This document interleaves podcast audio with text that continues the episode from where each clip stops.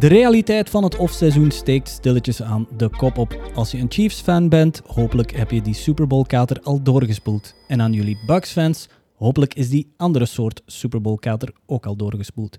Wij van AFCB blijven jullie van content voorzien. Ook al zijn de zondagavonden nu niet wat ze moeten zijn. Welkom bij aflevering 37 van de American Football Community Belgium podcast.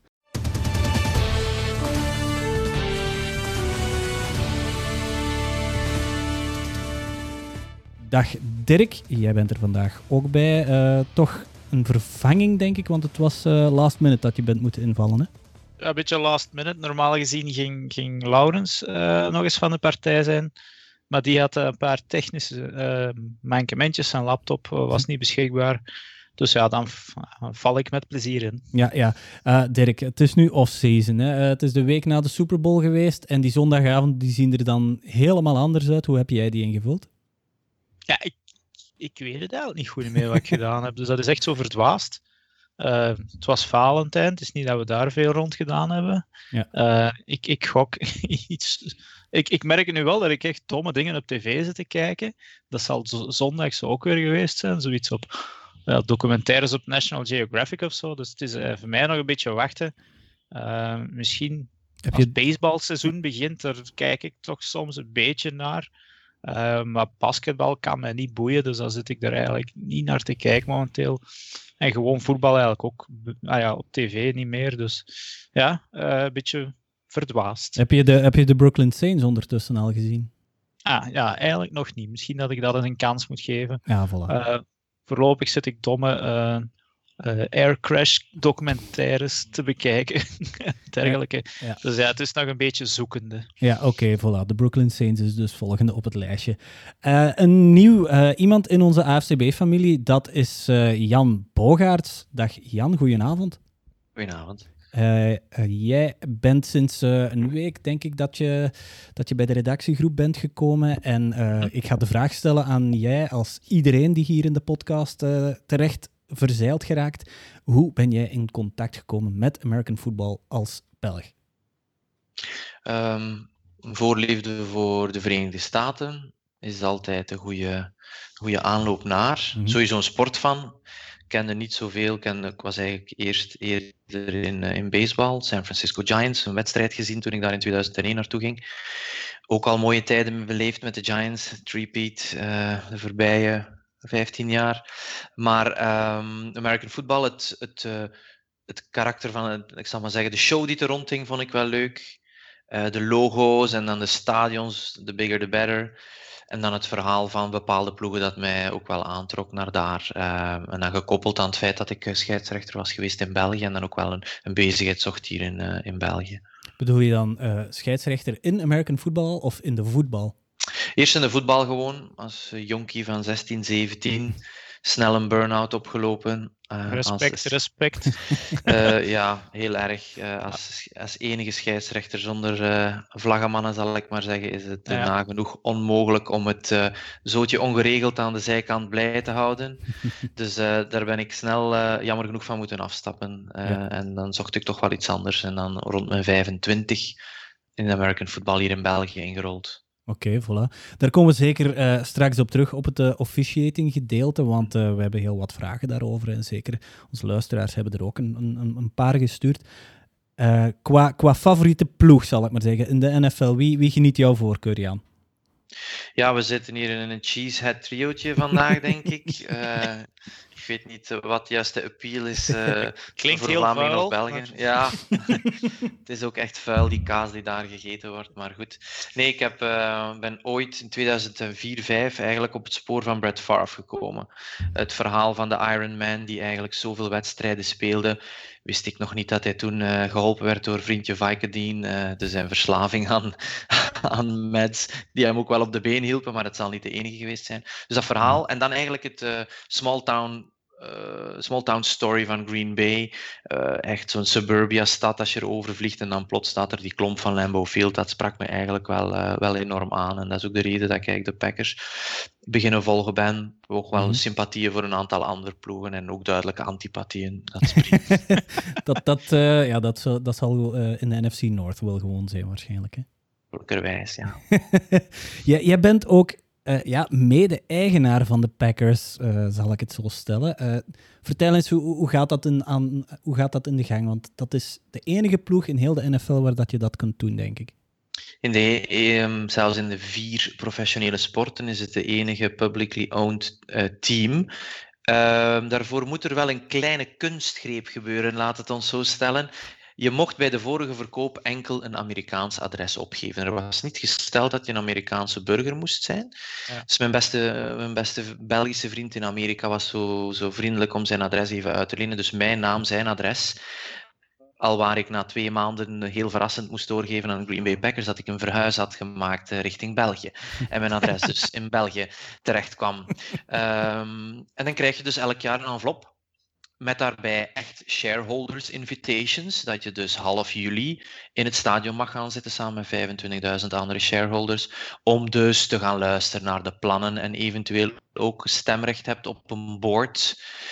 Een board is meestal, zijn meestal lokale zakenmannen die mee een aantal zaken beslissen, waar uiteraard over het sportieve is dat niet, uh, heeft, daar heb je geen enkel zeggenschap. Je bent ook een van de, denk ik, 600.000 eigenaars. Je mag het ook niet doorgeven.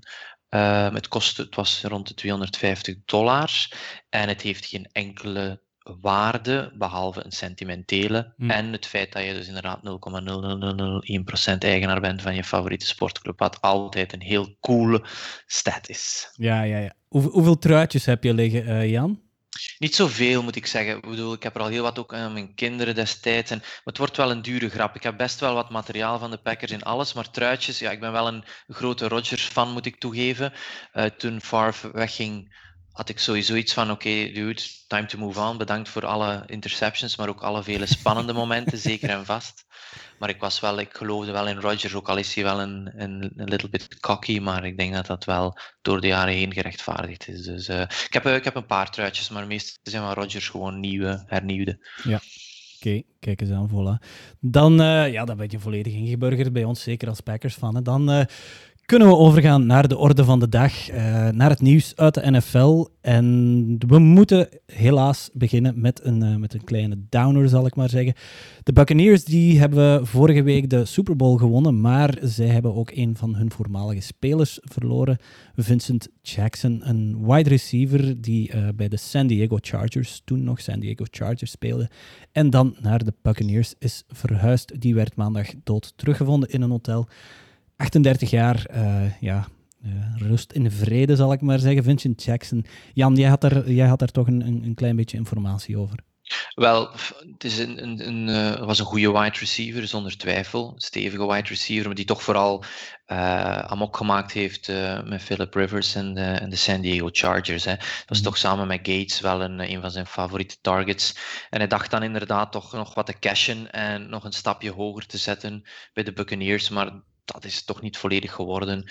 Um, jammer dat zo'n mensen toch weer op zo'n ultra tragische manier ergens in een anoniem hotel aan een einde moeten komen.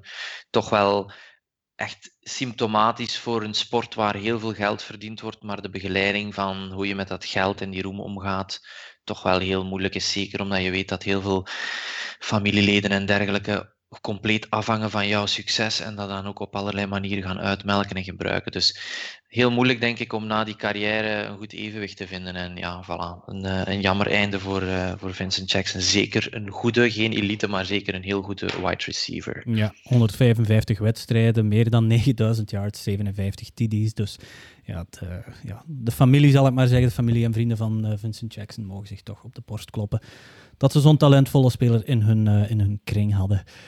In college uh, is de Pro Day gepasseerd van Trevor Lawrence. De, ja, ik kan niet 100% zeggen, want dat, uh, dat bestaat waarschijnlijk niet. Maar ik denk in dit geval toch wel de first overall pick. Trevor Lawrence, die zal naar de Jacksonville Jaguars gaan. Want Derek Urban Meyer, die stond daar gewoon uh, over zijn schouder mee te kijken, denk ik. Hè?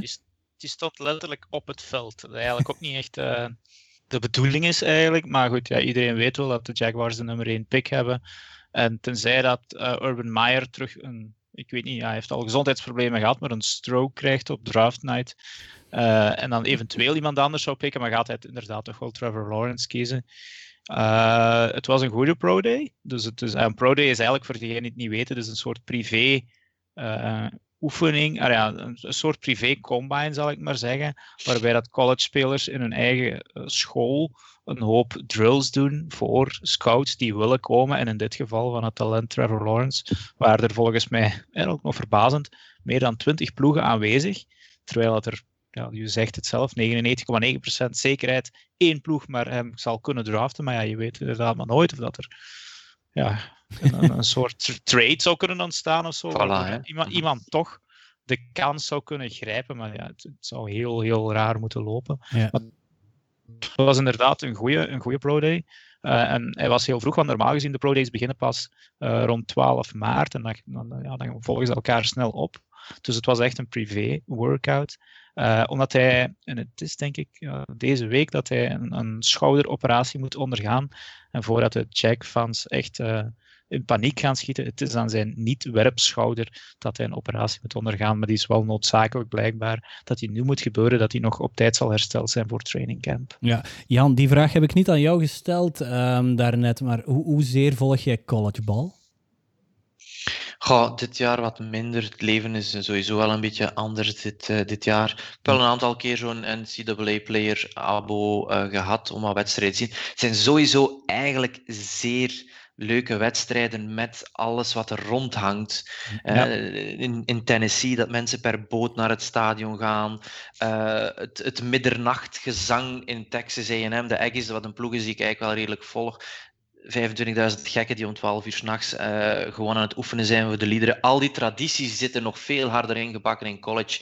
De beleving is ook nog veel intenser, soms ook wel door drank wat overgoten. Uh, maar ja, ik moet zeggen, ik volg het zeker niet intens genoeg. Ik kijk altijd wel naar de uitslagen. Ik heb wel hier en daar een ploeg die ik een klein beetje volg, maar niet genoeg om te kunnen zeggen van oké, okay, die speler moet naar daar gaan enzovoort. Zeker omdat, jammer genoeg, soms zijn de verschillen in sommige wedstrijden zo groot. Ja. de 57 0's van deze aarde, die, ja, die geven niet direct aanleiding om te blijven volgen. Uh, maar natuurlijk, uh, ik vind het een, het is een zeer, ja, het is een, een zeer leuk bij, een product na, naast de NFL, absoluut. Ja, heb, heb jij iets van, van de Pro Day van Trevor Lawrence meegepikt? Nee, ik, uh, ik, weet, ik weet wat voor een kaliber dat het is, maar ik ben, uh, ik zal, als het gaat over de draft en, en de mogelijkheden van iemand en zo, zal ik zelden uh, uitspraken doen, want daar ben ik, dat is, dat is minder mijn ding. Ja. Het is eigenlijk, ja, het is verbazingwekkend. Hij, is, hij heeft geen 40-yard dash gelopen, um, maar moest hij er eentje lopen, dan zou hij het volgens mij volgens wat ik hoor, dan rond de 4, 6 toch zitten. En dat is iemand die 6 foot 6 is. 6 foot 6. Dus dat is een meter 98. Dat is nog, uh, nog 5 centimeter groter dan, dan Tom Brady bijvoorbeeld. Hm. Iemand die zo snel is. En hij is ook effectief snel en lenig en behendig. Want hij weegt daar ook nog eens uh, ja, 220 pond, dat is 100 kilo ongeveer. Dat is eigenlijk verbazingwekkend. En ja, hij heeft dus eigenlijk het frame van een, een ja, je zou zeggen een, een Justin Herbert. Uh, voorlopig ja, heeft hij nog het haar dat Justin Herbert ook had. Hm. maar met hem kan je hem wel vergelijken. En uh, hij zou dus nog talentvoller zijn door nog een iets groter ja, football savvy eigenlijk te hebben. Goed wetende wat hij allemaal moet doen. Hij heeft de arm. Hij lijkt een beetje iets slungelachtiger, maar ja, ik zeg het, 100 kilo voor uh, een meter 98 is zeker geen mager mannetje. Dus hij kan ook nog wel wat hebben. Dus ja, kijk eigenlijk naar uit al. Is, het zal geen verrassing zijn als hij gedraft wordt, maar de eerste speelmomenten van hem in de NFL wil ik zeker gezien hebben. Ja, ik eet mijn schoen op als hij niet als eerste gaat. Dus uh, ik heb hier wel genoeg, Dure denk ik. Hè? Ja. Met een beetje peper erbij.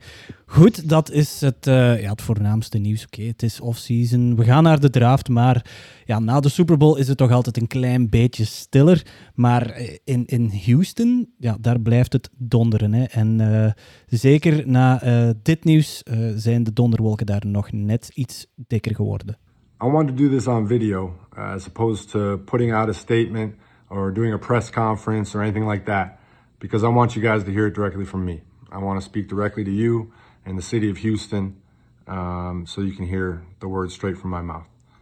Um, I have sat down with the McNair family and I have asked them for my release, and we have mutually agreed to part ways at this time.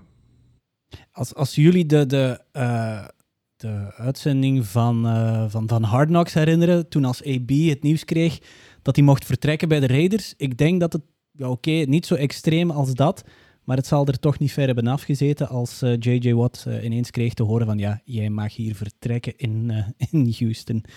ja, is gereleased op eigen aanvraag. Nu de Sean Watson nog, want volgens mij zit hij stiekem in de kabassen van, van J.J. Watt. Die wil daar ook weg. De defensive end van de Texans, ja, die kreeg zijn goesting, mocht vertrekken. 106 in 128 wedstrijden, 408 solo tackles, 25 forced fumbles. Ja, met, met die cijfers, ja, zes keren denk ik dat hij de, de, de playoffs heeft gehaald met de Texans, maar hij heeft nog altijd niet wat hij eigenlijk verdient. En dat is een Super Bowl ring. Ja, waar kan hij die wel verdienen? Wat zijn de landing spots? Realistisch al dan niet. Uh, we beginnen met, ja, we moeten er toch mee beginnen. Het is een Wisconsin boy, de Packers. Jan, wat zijn de realistische opties, opties dat hij naar de Packers zou gaan? Al heel wat zien vliegen bij de lokale reporters en berekeningswijze gezien. Op zich durven sommigen spreken over, die naam zou wel een bel moeten ringen, Reggie White Minister of Defense, enorm goede speler die ook in free agency overgekomen is. Denk van de Eagles en die dan grote furore gemaakt heeft bij de Packers. En sommigen willen hem die status toe-eigenen van breng JJ Watt binnen. We zijn klaar met de defense en we gaan volgend jaar onder invloed van Roger de Super Bowl winnen. Ben ik niet zo van overtuigd. Hij is toch hm. wel injury prone. Hij gaat nog altijd veel geld willen. Stel dat hij een, een, een hometown discount aanneemt van de Packers, gaat hij toch nog altijd veel geld willen krijgen. Packers hebben zeker andere noden. Maar ja, restructuring kan veel. Hè. Bonussen, uh, rosterbonussen omzetten naar signing bonussen of omgekeerd, waardoor dat die niet meer tegen de cap tellen enzovoort. Er zijn wel wat spielerijen mogelijk. De Packers hebben een heel goede front office uh, finance manager in Russ Ball. Dus het kan. Ze willen het. De, de truitjes worden gemaakt. De lokroepen zijn groot. Maar ik denk op het einde van de rit dat hij Enfin, hij weet wel dat hij in een ploeg komt met, met mogelijkheden, dat is zeker. En mhm. het zou wel een zeer fearsome front worden met, uh, met Kenny Clark en met Rashawn Gary, die wel uh, echt doorgebroken is dit jaar. Maar ik denk dat er nog andere ploegen uh, waarschijnlijk iets meer munitie in handen hebben. Hè. Ja, we, we moesten er even over gaan, de Packers. Mm -hmm, ja, qua, qua, sentimentele waarde, want jij kon dat natuurlijk niet niet horen in, in het fragment van daarnet, maar toen hij die aankondiging maakte, had hij het, het uh, een, een, een, trui van Wisconsin aan, dus de universiteit waar hij gespeeld heeft in zijn collegejaren. Oké, ja, dit zegt wel iets over die sentimentaliteit uh, dat hij dan heeft, maar het kan tegelijkertijd ook wel een kleine boodschap geweest zijn om ja, hier in, in, voetbal zie je dat vaker, dat spelers hun carrière afsluiten bij de club waar ze ooit gestart zijn, of de regio waar ze gestart zijn. Mm. Maar bij de Packers moet het inderdaad natuurlijk wel kloppen. Ze staan voorlopig nog in het rood uh, qua cap space. Als ze het contract van JJ Watt wat zou kunnen herstructureren, dan zie ik mogelijkheden, denk ik. Mm. Want ze kunnen langs de andere kant wel een beetje een run stuffer gebruiken. En daar heeft JJ Watt toch ook soms wel... Uh, zijn, uh, zijn kwaliteiten, buiten dat hij een, zeer goede edge rusher is natuurlijk. Maar ja, je zal hem maar eens 10 miljoen toch nog betalen en dat hij een half seizoen in de lappenmand ligt en dan is het weggegooid geld, vrees ik. Ja, 20 miljoen staan ze in, de, in het rood. Uh, volgens over de, over de cap.com staan ze op 19 miljoen 890.681 ja. dollar in het rood. Ja, maar daar kunnen nog dingen veranderen. Hè? Dus, uh... ja ben ik ook eigenlijk wel optimistisch. Als je ziet wie dat er nog kan gekut worden en welke dat er bereid zijn tot restructuring. Maar bon, dat geldt dan nagenoeg voor elk team dit jaar die een zwaar huiswerk heeft. Uh, met, die, met die waarschijnlijk iets krimpende cap space. Dus zowel de Packers als anderen kunnen nog heel creatief zijn om zo een splash mm splash signing te maken. En ik denk dat elke ploeg nagenoeg zo'n zo'n topspeler kan gebruiken. Maar ja, zoals je zegt, Dirk uh, in hindsight dan een half jaar geblesseerd. En dan komen de criticasters natuurlijk, hè, zo gaat dat. Hè. Ja, ja. De, de, ring, de ringmogelijkheden in, in, in Green Bay, ja, die zijn er wel. Dus hij gaat, echt, hij gaat echt een ring achterna jagen. Dat, hij gaat niet... Ja, hij, hij gaat bij de ploeg willen terechtkomen als die geen uh, als die geen kansen hebben op een Super Bowl, bijvoorbeeld, die gaat niet naar een Eagles gaan, bijvoorbeeld. Ik wil nu niet uh, uh, een, een steek uitdelen aan de Eagles-fans, want ik weet dat we er hebben onder onze luisteraars, maar dat gaat hij bijvoorbeeld niet doen. Nee, nee, en, en ik, ja, je moet dan inderdaad kijken naar de ploegen die kans maken op een ring. En langs de andere kant nog een beetje capspace op overschot hebben om het realistisch te kunnen waarmaken. Dus je mhm. zou bijvoorbeeld zeggen, ja, de Saints zouden nog altijd wel een kans hebben, maar die, die gaan niet, die hebben, geen, die hebben nul capspace. De Rams zou, zou, bijvoorbeeld ook heel, een heel goede uh, landing spot zijn, om, om daar ook nog JJ Watt bij te zetten. Maar dat gaat gewoon volgens mij niet. Die zitten nog zwaarder in het rood, die zitten zelfs heel top-heavy capspace gewijs in het rood. Dus daar gaat, ja, beeldt het u in dat hij naast Aaron Donald gaat staan. Maar enfin, dus dat is dan ook weer het leuke aan de NFL, dat kan niet. uh, omwille van, van de salary cap. Dus we moeten denk ik kijken eerder naar, ik zal zeggen waar dat hij zou moeten landen, volgens mij, is bij de Cleveland Browns. Dat, um, er wordt over gesproken de laatste dagen. Hè?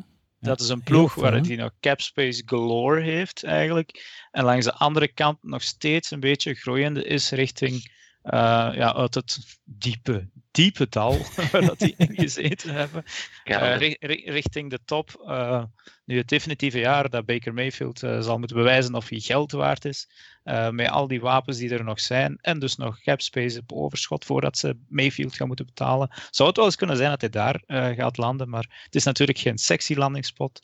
Dus dan is het misschien eerder aan de Buffalo Bills om hem binnen te halen, mm -hmm. waar je volgens mij nog iets meer kans hebt op die ring.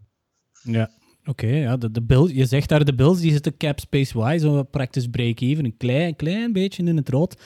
Maar de, de, de ringmogelijkheden in, in Western New York, ja, die zijn, die zijn prachtig. Hè? Als je dit seizoen de Buffalo Bills hebt zien groeien, um, ja, een mooie tandem volgens mij met, met, uh, met Jerry Hughes daar uh, op de edge, stel je voor. Want ja, de, de Buffalo Bills, oké, ze zijn aanvallend heel, heel sterk gegroeid, maar toch zie ik ze toch nog ietsje meer als een, als een verdedigende ploeg.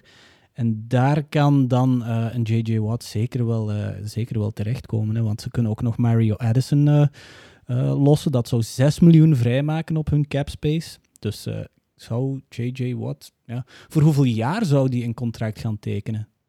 Hm. Dat lijkt mij een goede vraag. Jan?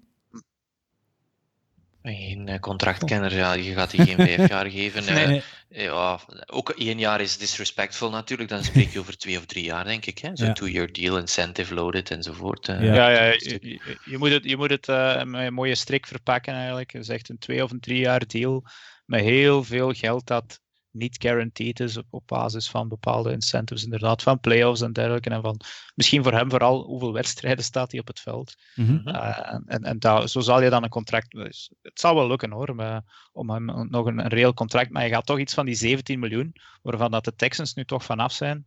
Uh, daar zal hij toch nog iets van af moeten doen, want dat is hij eigenlijk feitelijk, zoals dat niet ze meer zeggen, waard. Hè? Niet meer waard. Ah, ja, misschien wel in zijn prime, maar nu niet meer. De Titans waren ook wel geïnteresseerd, las ik vandaag. Dat er toch ook wel stevigere interesse was. Ik weet niet hoe die in cap space is. Uh, die, die hadden ook wel interesse. 3 miljoen, maar ja, bon, 3 miljoen in het rood. Goh, voilà, dus dat, dat, is, dat is niks, hè. 3 miljoen in pocket change. Nee, ja. Voilà. En dan ja, de headcoach uh, Mike Vrabel, die was defensive coordinator bij de Texans in 2017. Ja, ja, ja. En die was, dat zou misschien nog een reden kunnen zijn, ja. En die was linebacker coach in, in ja, wacht, eh, Watt heeft twee seizoenen um, Defensive Player of the Year gehad. En dat was in 2014 en 2015. En toen was Vrabel linebacker coach bij, um, bij de Texans. Hij blijft ja. dan ook nog eens binnen de divisie. Dat maakt het nog interessanter. Ja, dat doen ze meestal niet wel niet. Hè. Dus, Goh, ja. maar hij, is, hij is nu wel, ja, hij mag eigenlijk gaan en staan waar hij wil traden doen ze nooit binnen de divisie, maar als je nu binnen de divisie gewoon gaat, ja, oké. Okay, ja, want het is natuurlijk, ja, het is ook zo, soms kiezen ze wel voor een coach, maar ik weet niet of dat in deze, ik denk dat hij hier naar het totaal van het team eerder gaat kijken, zoals je zegt, waar is die ringkans, uh, een coach die hem genegen is, bedoel, die gaat zoveel vrijheid krijgen in zijn rol. Uh, die dicteer je niet meer 100% wat hij moet doen. Iedereen weet wat zijn sterktes zijn. Uh, wilt je op een bepaalde play iets anders doen dan voorafgesteld, denk ik dat daar weinig tegen in te brengen valt ja. met iemand met zo'n resume. Dus uh, Vrabel kan een reden zijn, maar ik denk dat hij eerder kijkt hoe zit het met het complete team, uh, offense, defense, special teams. Waar zit de groeimarge nog voor de volgende twee jaar dat ik hoop dat ik nog kan, dat ik nog kan ontploffen? En waar kan ik binnen de twee jaar nog meedingen naar een ringen? Ja, en misschien als ze met de drie broers allemaal een discount willen geven, dan is de Steelers nog een optie. Ja, waarom niet eh, eigenlijk? Hè? Die, hebben ja, wel, ja, die zitten wel diep, diep in het rood qua cap space. Maar uh, bijvoorbeeld een, een, een Bud Dupree, die, die uh, speelde onder een franchise tag dit jaar van, van wat was het, 16 miljoen? Um, ja, maar die ik was... weet ook niet of dat het, ja, het geld van de Pouncy broers, uh, dat dat er al, van, van ja, een van de Pouncy broers, dat dat er al afgegaan is. Uh, maar ja, de Steelers zitten ook nog altijd wel dicht bij hun top. Het laatste jaar van, van Big Ben waarschijnlijk ook nog. Dus mm-hmm. daar zou je nog één jaar volgens mij kunnen meedraaien om, om een ring te chase, maar zeker geen twee. Nee, ik, ik, zie de, de ringmogelijkheden van, van, van de Steelers volgend seizoen. Ik weet niet hoe, de, hoe hard dat die door de mand zijn gevallen op het einde van het seizoen. Ja, ja, door de, de eenzijdigheid. Hè. Dus daar zullen ze sowieso aan moeten, moeten werken. Uh, als, misschien dat je die andere schoen nog op overschot hebt, maar de, uh, ja, de, de Steelers zullen normaal gezien voor een running back gaan. Ja. Uh, om, omdat ze gewoon te eenzijdig waren op offense dit jaar. En als ze een defense zo nog zouden kunnen versterken, ja, waarom niet? Maar hm. het moet mathematisch mogelijk zijn. Ik, uh... natuurlijk ook, uh, die AFC is ook zo beladen met jong QB-talent. Dan moet je toch echt wel weer een ploeg terechtkomen met, jong QB-talent. Terwijl bij de NFC kan je dat nog wel even afkijken. Er zitten wel wat veteranen. Maar mhm. als je er kiest voor, hè, dus je hebt die Bills, up, upward moving Chiefs blijven een, een, fantastische ploeg. Maar elke andere ploeg die je kiest is, is toch wel, is toch wel een, een ding, uh, een kans minder, denk ik, op die ring op dit moment. Ja, binnen de AFC, als ik dan de Ravens zeg. Ja. Cap space van 18 miljoen. Dus um, God, die, die, die hebben toch wel een geschiedenis van, van, van veteranen aan te trekken. En ja, als, als die J.J. Watt een contract van twee, gewoon drie jaar kunnen geven. De, um, de defensive line coach, Anthony Weaver van, uh, van uh, de Ravens, die kent Watt van in 2016 tot 2019. Die was toen defensive line coach in Houston. Dus wat kan eigenlijk bij verschillende ploegen terecht met, met coaches die dat die, waar dat hij mee heeft gespeeld. Maar uh, uh, een Derek Wolf die gaat daar richting free agency. Uh, Oké, die speelt wel op de binnenkant, wat op de buitenkant. Maar als die Derek Wolf dan niet wordt verder getekend, zal ik maar zeggen, komt er nog meer cap space vrij. En ze zitten nu al mhm. met een cap space van 18 miljoen. Dan speelt hij samen met een Calais Campbell. Zijn de ringmogelijkheden daar? Ja. Dus dat ja, lijkt me en nee, toch... Ja, ja de fan, dat is al... Dus uh, Lamar Jackson zal dan definitief toch wel terug een, een topjaar moeten hebben eigenlijk. Zoals uh, begin hm. vorig seizoen eigenlijk dan. Ja. Maar, en dan langs de andere kant, ja, dan gaat hij ook in de divisie spelen tegen zijn broer. Uh, enfin, ja, tegen zijn broer, ze staan niet samen op het veld. Het, zou allemaal kunnen natuurlijk. Um, ja. Ik weet het niet. De Ravens, zou, de Ravens zouden het goed kunnen gebruiken, want ja. hun, hun defense staat erom bekend om, en dan gebruik ik ja, op podcast moeilijk, maar air quotes, klein te zijn aan de, de binnenkant. Dus ze zouden wel een beetje zo'n stoffer als, als uh, wat kunnen gebruiken. Ja. ja. Ik ben benieuwd hoe lang dat het gaat duren. Hè. Dus, uh, hoe lang dat de beslissing, want hij had, ik denk dat hij zelf al getweet had daarnet van uh, free agency is wild of zoiets. Ja, klopt. ik denk dat hij wat telefoontjes gekregen heeft, uh, wat vriendschapverzoekjes. ja. officieel mogen ze nog niks bekendmaken natuurlijk. Ja. Laatste optie die ik naar jullie ga gooien, de Cowboys. Nee. Nee. Die, de, die defense. Mike McCarthy, stay away, stay away, toxic. ik, ik zou niet weten, uh, als je van Wisconsin komt en je gaat dan al willens nilles tien jaar in, in, in, in, Texas spelen, om er dan gewoon nog eens in Texas te blijven als je weg kan. Het sneeuwt er uh, nu, hè? ja, het is er nu wel Wisconsin weer op dit moment. Ja. Met als gevolg dat heel de staat er gewoon lam ligt. Ja. Um, ja, maar ik denk niet, eh, en de Cowboys zijn, uh, ik had ze zelf in de Super Bowl gezet dit jaar, maar gaan die nu ineens Super Bowl waardig zijn? Ja, Dirk, ik ga het niet nog eens durven. Je zag ze als een, een, een Super Bowl contender aan het begin van vorig seizoen. Ja, waarom dan? Naïef. Ja, ja. Gewoon naïef. Ja. Er zijn ook wel kwaliteitsspelers die gewoon niet, niet ja. hebben bevestigd. Hè. Super running back, goede quarterback, hm. op de juiste manier te gebruiken. Ja. Maar goed, ja. Ja, maar de, de, de, de tekortkomingen in de defense, en ja, daar zou dan J.J. Watt uh, misschien wel kunnen passen, ja. werden wel helemaal over het oog gezien eigenlijk door mij. En oké, okay, ze hadden dan in het begin ook nog wel wat kritische blessures in dat compartiment. Uh, maar je zag toch direct die pudding hard ineenvallen. Het waren allemaal college-wedstrijden eigenlijk bij, bij de Cowboys. Dus ik weet, nee, nee ik, ik zie het niet gebeuren. Voilà, dus uh, ja, de Browns lijken nu um, de, de, de beste optie, ah, toch de, de meest uh, out there optie, zal ik maar zeggen, zijn. Um, ja, ik ben ook eens benieuwd uh, naar, waar, waar dat die naartoe gaat. Dan uh, kunnen we overgaan eigenlijk naar het, ja, het, het, hoofddoel van deze podcast, denk ik vandaag. Uh, we hadden het al aangekondigd dat we het gingen hebben over officiating binnen American football. Zeker nu dat we Jan erbij hebben. Jan, um, hoe begin je daaraan aan, aan te zeggen van ik ga official worden binnen American football? Het is al een heel grote stap om het in het voetbal te doen, wat hier uh, wat in België een, een mogelijkheid is natuurlijk. Maar dan die, die kleine vijver van, uh, van officiating binnen American football, hoe kom je daar dan mee in aanraking? Wat is zo dan door het feit dat ik uh, voetbalscheidsrechter in België was geweest, had ik wel al een beetje feel voor uh, het scheidsrechter zijn. Ten tweede ben ik in mijn, in mijn uh, dagdagelijkse job als leerkracht ben je ook wel een beetje pedagogisch bezig en dat speelt toch ook wel een rol. En ah, zeker, ja, ja, zeker in je aanpak met spelers en ook in, in de herfst bijvoorbeeld in, in, in België zit je met jonge mensen, echt uh, met jongeren, met middelbare studenten bezig. Dus dat vond ik al een leuke approach. Um, en dan zie je die oproep gelanceerd op tv en dan ga je eens even, ga je eens even horen. En wat hetgeen dat ook veel mensen aanspreekt, want er zijn uiteraard vooral ex-spelers die komen en, in, in, een witte raaf af en toe, die, zoals ik, die dan van buitenaf erin komt. het is het feit dat je in een team zit van scheidsrechters, het maakt het gewoon superleuk. Heel af en toe frustrerend, maar 99% van de tijd vooral heel erg fijn. Dat je je niet letterlijk alleen op dat veld voelt met die grote loebassen. Hm. Dat je voelt dat je even kan feedback vragen over bepaalde dingen. Um, uiteraard, het glamoureuze ben je snel kwijt. Uh, als je je eerste wedstrijd doet, ik zal de namen niet noemen van de velden, op een bepaald veld ter lande en dan denkt van, wat de hel, waar ben ik hier terechtgekomen? Ik mag me omkleden in het kolenkot.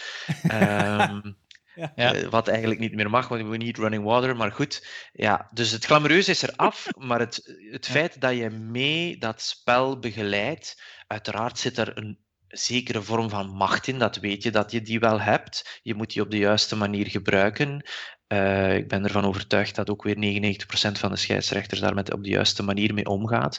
Um, maar het feit dat je dat mee, mee die wedstrijd tot een goed einde kan brengen en eigenlijk de grootste frustraties kan aan een beetje zo hè, wegwerken, ja, dat, is heel bevredigend.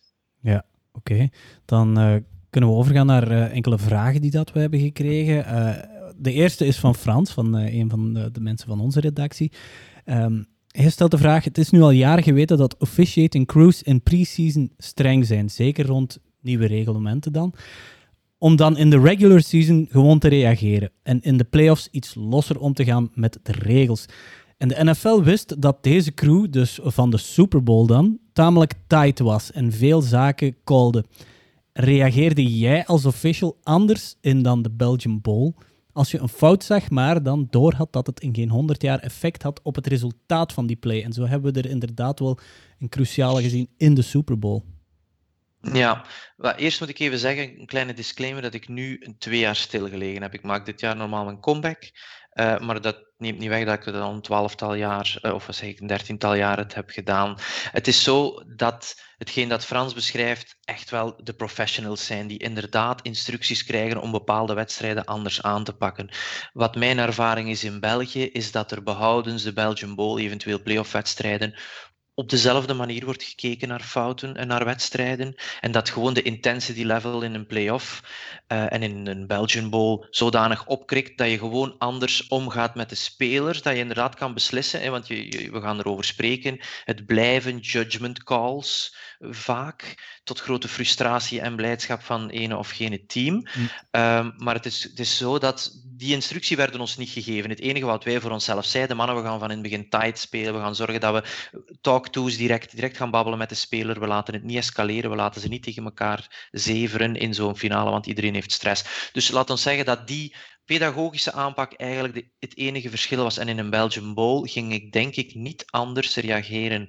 Um, we spreken van uh, fouls die weg, away from the play zijn, wordt hier vaak gezegd. Waarvan dat veel mensen denken, die hebben geen invloed. Dat is niet helemaal waar. Als je mhm. iemand aan zijn truitje trekt, helemaal links, en de bal gaat naar rechts, dan had die quarterback misschien die bal wel naar links willen gooien. En heeft hij op de kwart seconde beslist door het feit dat die speler niet is waar hij moet zijn, dat hij naar rechts doet. Hm. Dus of het echt away from the play is, ja, er zijn er, hè, van die uh, elkaar vastpakken en de ene smijt de andere op de grond uh, nadat er al iets gebeurd is ofzovoort, dat, dat zijn andere zaken. Maar kort dus, want het is al een lang antwoord, sorry, uh, blijft een feit dat wat mij betreft, denk ik in België, dat wij ongeveer altijd op dezelfde manier de fouten proberen te beoordelen behalve dat we gewoon aan pedagogisch wat anders aanpakken in die meer spannendere wedstrijden, belangrijkere wedstrijden. Misschien, misschien al even tussendoor een vraagje van mij, Jan, want vanaf nu ben ik meer luisteraar dan, dan mhm. deelnemer. Maar uh, als je als ook voetbalscheidsrechter geweest bent, is het respect dat je krijgt van spelers en fans als uh, bij American football niet, niet veel groter dan bij een, uh, een voetbalwedstrijd. Ik moet daar absoluut de, de voetbalcommunity in België absoluut een pluim geven, want dat is dag en nacht verschil, vind ik. Bon, je voelt je al minder alleen en getarget en geviseerd naar gelang je positie en je bent in groep en je kunt elkaar steunen wel met vier, vijf of zeven scheidsrechters.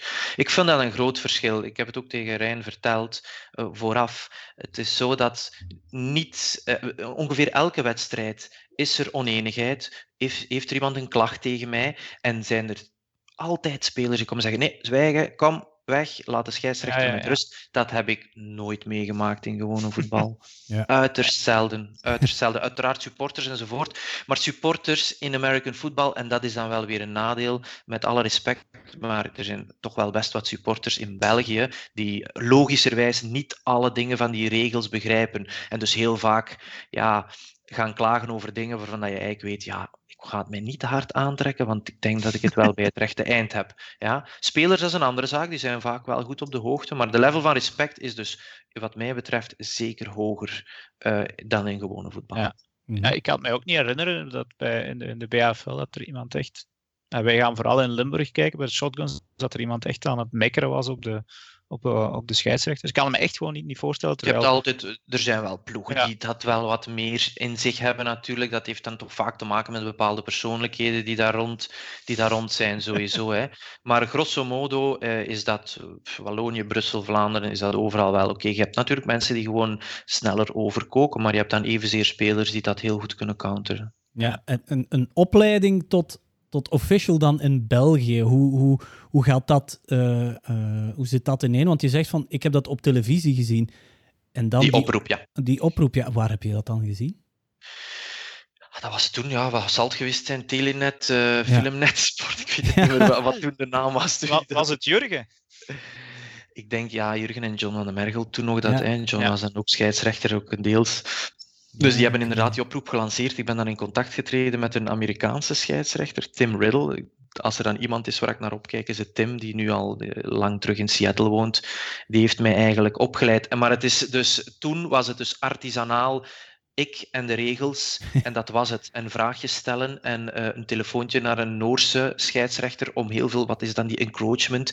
En wat bedoelen ze nu met die illegal motion? Ik kende niks ervan. En ik weet dat een van de vragen zal zijn: wat was een van je grootste fuck-ups? Ik zal die direct toegeven. In mijn tweede of eerste wedstrijd wordt er gepunt, of er is een, een kick alleszins, een speler, dus in NCAA, als je de grond raakt met je knie of zo, dan is de play dead. Uh, kan je niet meer terecht staan en nog gaan lopen. Die doet geen fair catch, die pakt die bal die vangt die en die gaat met zijn knie op de grond. En ik doe een volledige brain fart, want ik ben alles aan het verwerken. En net zoals voor een quarterback de game moet vertragen, moet dat echt wel voor een scheidsrechter ook. In het begin van een wedstrijd ben je echt soms een paar seconden niet goed bezig. Dus ik zie dat, maar ik interpreteer dat gewoon niet, want die speler is zo slim om direct terug recht te gaan en te beginnen lopen. Dus ik denk bij mezelf, tweede wedstrijd, ja, dat is oké wat hij doet, want die begint terug te lopen. Die zijlijn erupt natuurlijk, van ah, knee on the ground. Dus ik kon daar niet meer voor terug, hè, dus dat gaat niet meer. Ik kan daar niet meer op terugkomen.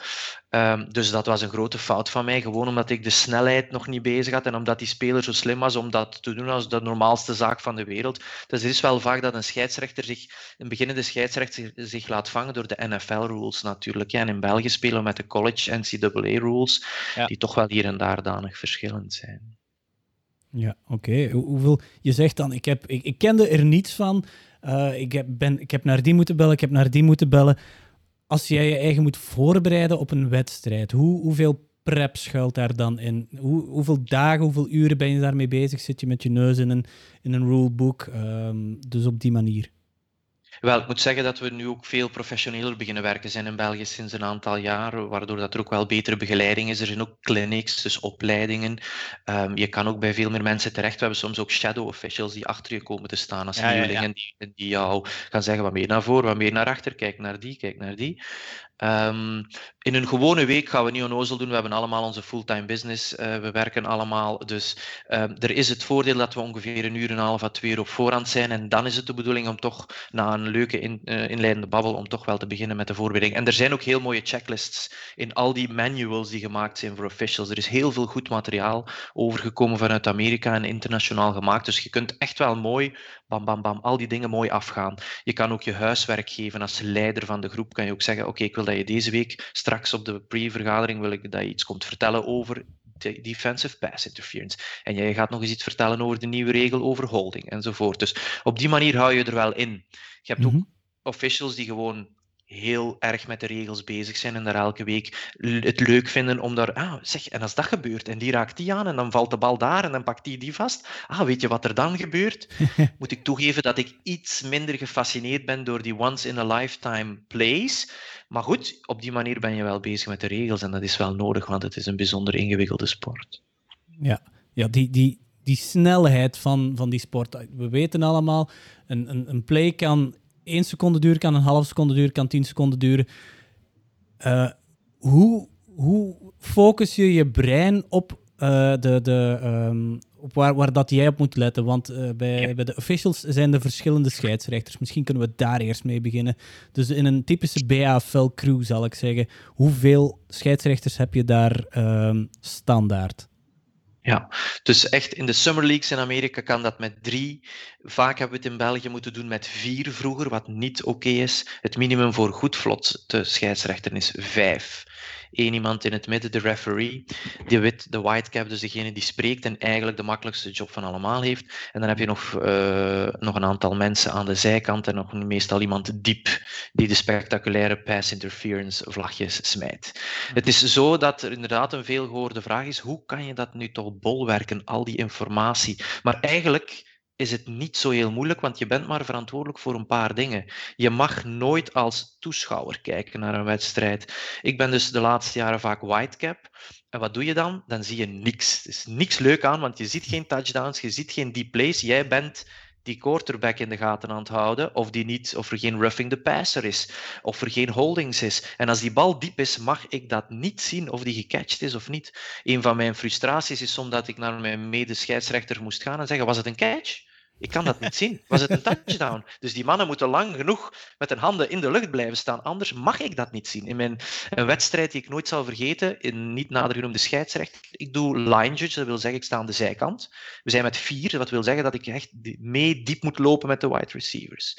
En ik moet oordelen over pass interference en catch, no catch, whatever. Dus met vier niet makkelijk. Ik loop mee diep er is een soort van uh, een situatie waar een pass interference zou kunnen zijn. Ik oordeel dat dat niet het geval is. En van letterlijk 60 meter verder komt de whitecap aangelopen en die smijt een flag voor mijn pass interference al dan niet. Dat mag. Ik was, ik was nieuw, ik was flabbergasted. Ik dacht van oké, okay, ja, als jij het zegt, jij bent de grote whitecap, wat weet ik veel. Dat kan nooit. Die mag niet kijken naar waar ik naar het kijken ben. Die moet bezig zijn met wat er in de backfield gebeurt. Ja, maar jij moet dan wel luisteren naar hem. Of kan jij effectief weer Als ik toen meer ballen had, hè, ik was opnieuw in mijn eerste seizoen, uh, oh, dat zullen ze mij nu niet meer lappen. Hè. Dus als er niemand uh, komt zeggen van, dan zou ik zeggen, nee, dat is not your call, it's my call to make. En laat ons zeggen, de, de crews zijn echt wel veel verbeterd doordat we veel meer influx hebben van goede ex-spelers enzovoort. Dus dat gaat nu niet meer gebeuren. Maar dat was zo een echt voorbeeld van, dit is eigenlijk niet jouw call. En jij moet, maar hij heeft dat dan doorgedreven. Ja, ja, ik heb dat gezien en ik denk dat ik toen heb gezegd, oh oké, ja, als jij dat van oordeel bent, dan zullen we dat maar zo doen. Hè. Op zich is er niks illegaal aan. Hè. Ik bedoel, iedereen heeft recht om vlaggen te smijten, maar puur in de geest van wat een scheidsrechter moet doen, kan dat niet. Oké. Alright. Dirk, jij had, jij had een, uh, een vraag voorbereid ook voor hem, hè? Ja, dan kom ik misschien als een, een, een idioot over. Um, maar ja, ik, ik, zoals jullie weten volg ik heel veel college. En, en als ik dan echt NFL ben beginnen volgen, dan begon ik op de duur in de war te geraken. Want ik hoorde offsides, encroachment en een neutral zone infraction. En in college, ja, twee van die drie dingen bestonden volgens mij niet. Mm. Uh, dus ik, toen dat, op een gegeven moment dacht ik van ja, zijn die nu gewoon drie dezelfde termen voor iets, dat is hetzelfde is, eh, en we waren met random aan het gebruiken, of is er werkelijk verschil? En ja. Jan mag me dat even uitleggen. Wel, het is zelfs zo dat uh, begint eigenlijk uh, de meeste bescherming en de strengste dingen zijn op het high school level. Ook de high school hebben andere regels. Bijvoorbeeld de militaire basissen en International School of Brussels en zo, die wedstrijden doen als scheidsrechters ook. En daar zit je met high school regels. Ah, ja. En die zijn nog anders. Vanaf dat je zelfs in de neutral zone komt, wordt dat spel stilgelegd, gelijk wat er gebeurt. Dus de neutral zone is ongeveer de lengte van de bal. Ja. Daar mag eigenlijk niemand zijn op het moment dat de bal gesnapt wordt. En dan zijn er een aantal zaken die kunnen gebeuren. In college heb je maar twee benamingen, als ik me niet vergis: encroachment en offside. Encroachment is als de aanvallende ploeg in die zone is waar ze niet zouden moeten zijn. Nu, Dirk, je zegt, eh, dat is terecht, want dat wordt bijna nooit gefloten, omdat normaal een offensive line veel mooier uitgelijnd is. En ook wij ook vaak nog een... Spelers kijken naar ons van, sta ik goed? En vaak geven we nog een teken, dat is, we doen dat voor elke ploeg, van nee, nee, terug een beetje, een beetje terug achteruit. Dus encroachment moet al heel duidelijk zijn voordat gefloten wordt. Offside is dan in NCAA letterlijk de verdediger die in de neutrale zone is op het moment van de bal, die in de neutrale zone komt en een aanvaller reageert. Uh, of een verdediger die richting de quarterback stormt. Dat is offside in NCAA. Om naar de NFL te gaan, de sport uh, of de, dingen, de league die de meeste volgen, daar heb je eigenlijk dezelfde benaming, alleen komt er een neutral zone infraction bij. Encroachment blijft um, een defensive player die um, iemand gaat contacten. Dus een offensive player gaat contacten. Dat gaan we encroachment noemen. De, meerdere, de andere twee termen hoor je vaker. Die offside hoor je ja. vaker. Dan is, er, dan is het uh, wat Rodgers vaak doet. Iemand komt in de neutral zone van de defense en de center is zo slim om de bal direct te snappen. Free play. Ja, ja, dat is een offside die, die vaak gedaan wordt. Uh, als het er dan echt aankomt dat de offensive player gewoon recht gaat staan, bijvoorbeeld, van ah, ik zie een defensive hierin komen, ik ga recht staan. En wat je heel vaak ziet, zo wijzen en dan gaan recht staan, dat is neutral zone infraction. Als je ook richting de quarterback stormt te verdedigen, dat is ook neutral zone infraction. Dus er zijn wel degelijk een aantal um, zaken die daar zijn. Offside kan dan ook wel een offense. Dus dan wordt het ook weer geen encroachment zoals in college. Maar de offside, als dus ook een aanvallende speler, zoals een wide receiver, echt veel te ver naar voren staat, dan noemt dat ook offside. Maar opnieuw, eh, een aanvallende speler verkeerd zien staan, dat gebeurt minder. Ja, Dirk, heb je notities genomen? Uh, ja, ik, heb het, ik heb proberen ja. te volgen. Ja. En, en, gelukkig is er, is, er ook, is er natuurlijk ook Google om die dingen eens op te zoeken. Mhm. Maar het zijn wel van die zaken die, die mij eigenlijk wel opvielen, maar dan nooit echt uh, de dingen hebben gehad om dat effectief gaan op te zoeken allemaal. En dat is nou maar één van de regels eigenlijk. Hè. Zo zijn er dan nog, nog heel veel. Um, een catch. Dus ja, en wat is een catch? Ik denk ja, dat daar soms ook maken wel ze het ook onnodig moeilijk natuurlijk. Inderdaad, Rijn, wat is een catch? Alleszins niet wat Des Bryant in Green Bay probeerde.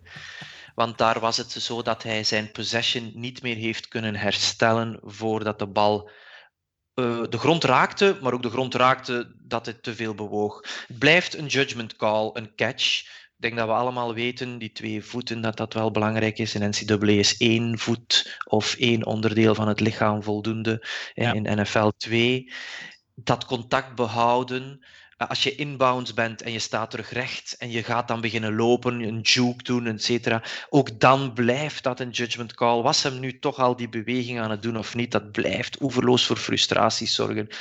Heel veel, heel veel mensen in de officiating world vinden dat oprecht heel jammer dat dat blijft, dat het zo'n moeilijke call blijft en dat ze daar niet ergens wat een onredelijkere eis aan stellen, ofwel het vroeger een catch noemen of, of, of wel veel langer kans geven. Dit blijft voor frustraties zorgen. Er gaat nooit een oplossing voor zijn. Maar dat out of bounds is natuurlijk het meest spectaculaire van hoe lang hou je die bal vast en op het einde ben je al aan het vieren en ga je half die bal weggooien, is dat dan wel goed? Nu, wat wel een hele goede is, vind ik, is dat men nu toch wel aan het grote publiek heeft kunnen aanleren dat die bal wel degelijk de grond mag raken.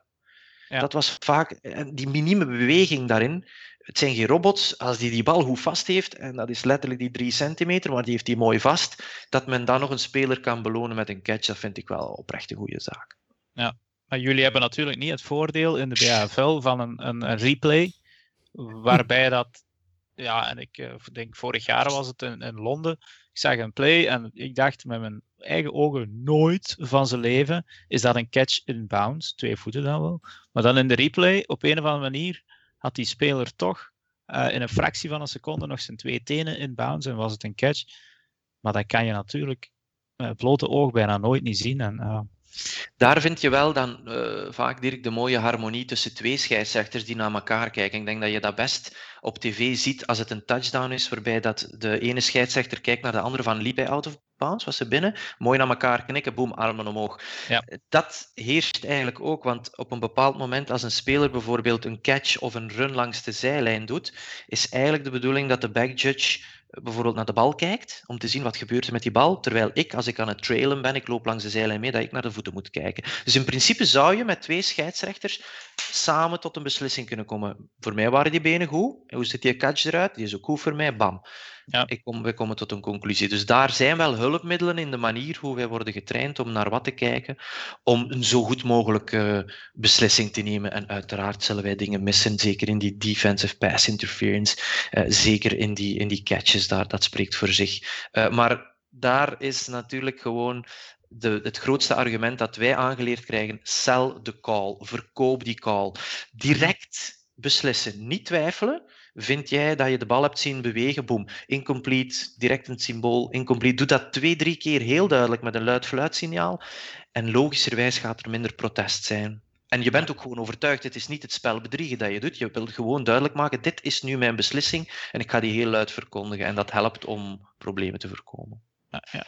Oké. Nee, mag, ik, mag ik vragen wat een, een, een official in België tijdens één speeldag of één wedstrijd wat verdienen jullie aan? dat, is, dat is aangenaam. Dat gaat ja. over rond de 50 euro per wedstrijd. Dus doe je, dat op, doe je er twee op een dag, is dat een kleine 100 euro. Je staat een stukje af, zoals de P van de A dat doet aan zijn bestuur, uh, voor werkingskosten. Uh, en daarna uh, heb je ook een, een, vergoeding voor eventueel de wagen. Er is een vaste vergoeding die de teams ons geven en we verdelen die over wie van het verst moet komen enzovoort. Dus bon, dat, is niet, uh, dat is niet onprettig als je daar een, een, een, lange zondag onderweg bent naar Limburg of naar Luik of whatever. Ja, ja. Want wat, wat verdient, heb jij daar enig idee van? Wat verdient een NFL-scheidsrechter? Dat is echt veel geld. Oké, goed, het leven in Amerika is duurder en de lonen zijn hoger. Uh, ik heb wel even gespiekt om zeker te zijn. En het gemiddelde was 205.000 US dollar voor een heel seizoen. Niet slecht. 16 wedstrijden, paar pre-season, dat gaat over plus 10.000. Bovenop, daarbovenop de travel fee en de hotels uiteraard geregeld en de tickets geboekt. Dus dat, uh, die mannen zijn binnen hoor, als ze dat, uh, als ze dat elke week, weekend een, een assignment doen. Dus oké, ja, ze werken maar een... We hebben een aantal jaar met fulltime officials gedaan, doen we niet meer dan in hm. Amerika. Nu zijn het gewoon, uh, hebben ze nog een andere job. Maar bon, als je 200.000 min taxen binnenrijft, dan mag je aan. En vaak zijn dat wel hoge jobs dat die nog doen hoor. Dat, zijn, dat, zijn, dat is niet de lokale, lokale winkelbedienden om het oneerbiedig te zeggen. Dat zijn vaak advocaten of, of managers. Dat zijn mensen die sowieso een zekere uitstraling en een zekere ja, ja. Uh, stressbestendigheid hebben. Ja, ja, ik zeg nu wel wow, maar het is nog altijd drie keer minder dan het laagste loon dat een practice squad speler verdient natuurlijk. True, maar je risico's, ik bedoel, je gezondheidsrisico's zijn een heel pak lager. Uh, Je kan heel wat langer meegaan. bedoel, hè, er zijn best wel wat whitecaps enzovoort die ja, toch wel, ik weet niet wat de, de, leeftijd is voor te stoppen, maar die toch wel een stuk in de 50, begin de 60 zijn, et cetera. Dus dat kan best wel. Hè. Er zijn posities waar je meer moet lopen, er zijn posities waar je leven meer in gevaar is, umpire. Uh, en er zijn posities waar je echt uh, eigenlijk meer je gezag kan laten gelden, referee bijvoorbeeld, en minder moet lopen. Ja. Heb je, heb je al eens neus aan neus gestaan met een speler als je het dan hebt over uh, uitstraling en, en gezag? En, en zo ja, hoe heb je dat dan opgelost? Um, zal wel al eens gebeurd zijn. Ik heb daar geen trauma's aan overgehouden. um, en ik denk dat ik gewoon wel ja, een, een, zekere juiste approach probeer toe te passen. En niet elke scheidsrechter of elke mens is ermee begiftigd om op, om op giftige reacties correct te reageren. Uh, ik probeer dat toch wel uh, leerkrachtgewijs, uh, vaderlijk een beetje eerst van kom op, ik snap het, ik snap je frustratie, maar ik kan daar niet op ingaan, et cetera. Dat verhaal probeer ik toch wel vooral te brengen. Maar goed, soms zijn mensen zo aangebrand en is het ook zo belangrijk. En soms heb je zo een belangrijke fout gemaakt als scheidsrechter, dat moet je ook durven erkennen. Gamebepalend, behalve de Fail Mary in Seattle, denk ik dat er oh, weinig wedstrijden zijn ja, trauma's inderdaad. Zijn er weinig wedstrijden waarbij dat, denk ik, de scheidsrechter doet. Eh, het is altijd heel ironisch uh, als, als een coach komt klagen en je verliest met drie TD's en het is onze schuld, dan denk ik misschien iets beter op defense. Maar goed, dat zeggen we dan natuurlijk niet, dat denken we. Maar het is wel al gebeurd, uh, maar echt grote, gelukkig grote toestanden zijn. Er zijn de laatste jaren af en toe is er wel eens iets dat misgaat, gelukkig nog niet live. En dat is heel demotiverend natuurlijk voor mensen, want je wil niet je eigen gezondheid en veiligheid in gedrag brengen voor een, een zondagse hobby. Dat spreekt voor zich. Zeker omdat die spelers toch wel het overmacht hebben in, in postuur. Eh, in, in, die zijn dan inderdaad groot, ze hebben die dingen aan. Uh, dus dan, dan lig je wel al eens sneller op de grond, moest het uh, escaleren. Hè. Ja. ja. Misschien dan toch even, als we het over game bepalende calls hebben. En als Packer-fans zijnde. Um, het was niet bij de Packers natuurlijk, hè, maar de, de fumble door de endzone. Ah. Wat is, wat is jouw mening daarover? wat was dat? Chiefs, Chiefs Bills? Chiefs het, was, het was, nee, nee, nee, Browns. Hè. Browns. Um, Probeer met de beelden, uh, maar ik, ik kan ze niet meer goed voor de geest halen. Want de, het was Jarvis Landry volgens ja. mij van de Browns, die uh, met de bal richting de pylon ging. Maar uh, Daniel Sorensen, Sorensen ja. in ieder geval komt met zijn helm eraan. Uh, hetgeen dat je straks zei, het is niet de call van die, die judge om naar die, die helmhit te kijken. Maar die, die, die heeft de bal in de gaten. Maar de bal vliegt dus uit Jarvis Landry zijn handen. En gaat, uh, ja, fummelt hij in de endzone en gaat out of bounds. En... Maar door die targeting, hè, wil je zeggen? Door ja. dus eigenlijk een illegale... Ja, enfin, dus, ja, dat, waren eigenlijk, dat was het ene deel. Maar dus de, de, de Browns worden er eigenlijk door gestraft. Um, het was ze spelen de bal down, kwijt. Ja, het was een first down, dus ze verliezen onmiddellijk een, een, possession omwille van dat het dan een touchback wordt. Ja. Mhm. Dat, dat is het. waarom bestaat die regel? Ja, het is geen ah, touchback. Ah, bon, dat, ja, ik bedoel, ben daar redelijk neutraal in. Uh, dat, daar kan ik nu echt wel in eer en geweten zeggen. Kijk, dat zijn de rules, dat, dat suck ja. monkey balls, maar dat is het wel. Maar het feit natuurlijk dat je niet kan teruggrijpen naar een potentieel gevaarlijke en illegale hit die dat dan eventueel veroorzaakt, dat is een moeilijke. Ze hebben eigenlijk graag pauzes in de NFL, want het brengt geld op, want je kan commercials spelen. Ja. Maar je wilt ook dat ding niet oeverloos uh, gaan vertragen. Uh, hier ging het eerder over wanneer is die bal los. Oké, okay, goed, dan denk ik dat het gegeven van een touchback, dat doet enorm pijn. Maar aan de andere kant, het zal je maar eens overkomen dat het andere team dat gebeurt. Dan ben jij natuurlijk extatisch als supporter. Dus het it works both ways, weet je. Maar het feit dat het dat misschien op een niet-koosjere manier is verkregen, is wel, is wel pijnlijk, ja. ja. Ja. Nee, want het is een regel die elk jaar blijkbaar op tafel ligt om te veranderen en men vindt er geen oplossing voor, voor uh, ja. dat die bal, uh, oké, dan is het maar een touchback, maar de, de, de, aanvallende ploeg wordt er heel hard mee gestraft. En dat is... enfin, ja, je kan, je kan, ja, je kan een prachtige leap doen richting, eh, richting inderdaad die pylon, die bal uh, zo wat onnozel knullig al wegkrijgen. En, en je, je, had dan net 90 yards prachtig gelopen. Dat, ja, dat, ik, ik versta dat volledig. Maar zoals zo vaak, als het een regel is voor iedereen en op dezelfde manier behandeld wordt, ja, dan is het een momentopname dat je je benadeeld kan voelen, maar je kan je nooit als, als ploeg benadeeld voelen. Want goed, ja, dan de volgende keer is het in jouw voordeel. Ja, ja. Ik heb, ik heb nog een, een, een, vraag over de, de competitie in België. De, de sport die zit in België in de lift, dat is wel duidelijk. Want, uh -huh. want uh, ik heb wel de indruk dat er heel veel clubs, ah, heel veel, dat er de laatste tien jaar zijn er heel veel clubs bijgekomen. En dan vooral in Wallonië uh, heb ik de indruk. Maar spelers zullen het probleem dus niet zijn in België waarschijnlijk. Maar hoe zit het met het aantal officials dan in de BAFL? En vormt dat dan misschien niet een groter gevaar voor uh, al dan niet afgelastingen? Of, of zit daar echt wel een gezond aantal uh, bij, bij de officials? Uh, eerste deel van je, van je vraag of je bemerking wil ik eventjes in context plaatsen. Ik weet niet of het een goede zaak is dat er teams blijven bijkomen. Mm -hmm. Ik denk, ondanks dat je gelijk hebt dat de sport aan zich wel nog wat groeimarge heeft, zit je toch maar met een bepaald aantal mensen die, die in deze sport gaan instromen. Dat gaat nooit verdubbelen, gaat nooit verdriedubbelen. Als je dan het leuk vindt om je eigen ploegje op 10 kilometer van een andere ploeg te gaan doen, met je eigen leuk logo en je kleurtjes en je strijdkreet, dan denk ik dat dat niet per se een goede zaak is. Want mm -hmm. je gaat ook uh, verdunnen bij andere ploegen.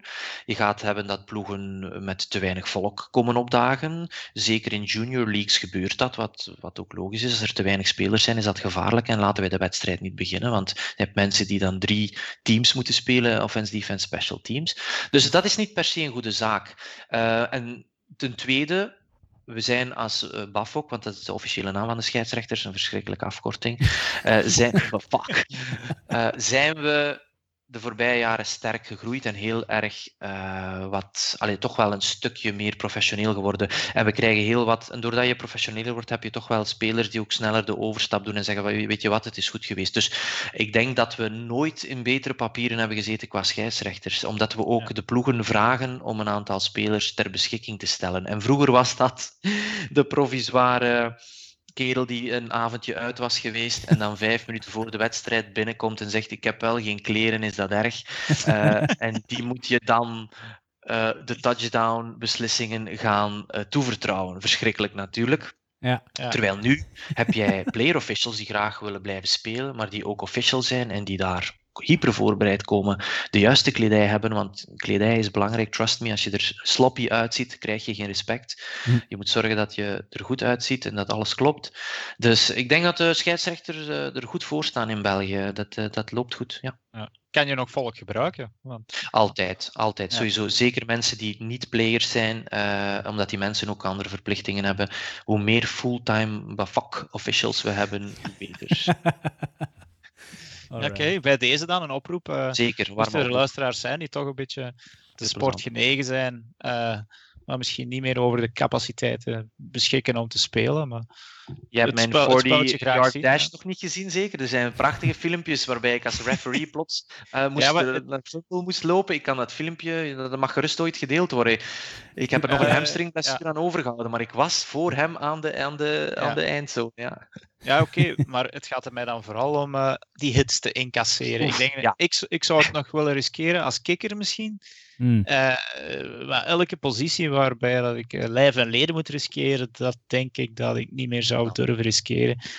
dus de, misschien dat er mensen zijn in die situatie die dan liever het, het, het, het zwart-wit gestreepte pakje willen aantrekken in plaats van de pets. Ja, kijk eens aan.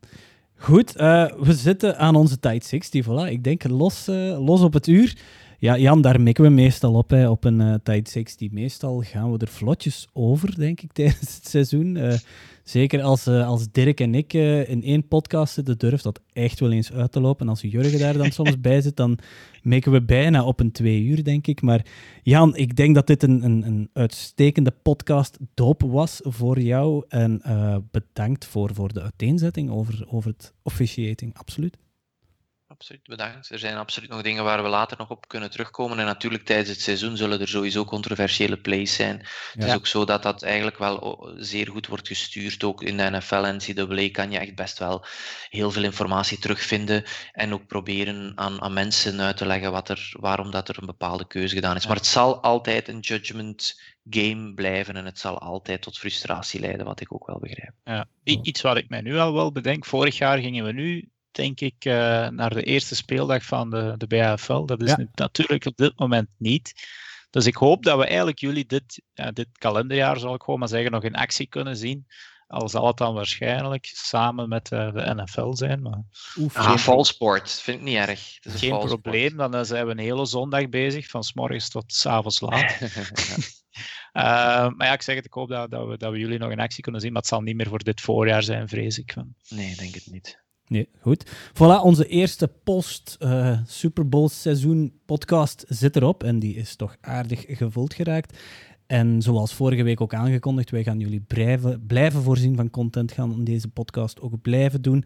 Als er informatie is, als er breaking news is, en dan denk ik bijvoorbeeld aan een uh, Carson Wentz die waarschijnlijk uh, aan een nieuw contract toe is of aan een nieuw ploeg toe is ergens.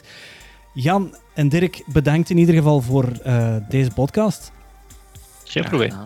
En dan uh, aan de luisteraars, uh, ik zeg het vanaf nu elke week met een klein voorbehoud, denk ik. Maar tot volgende week.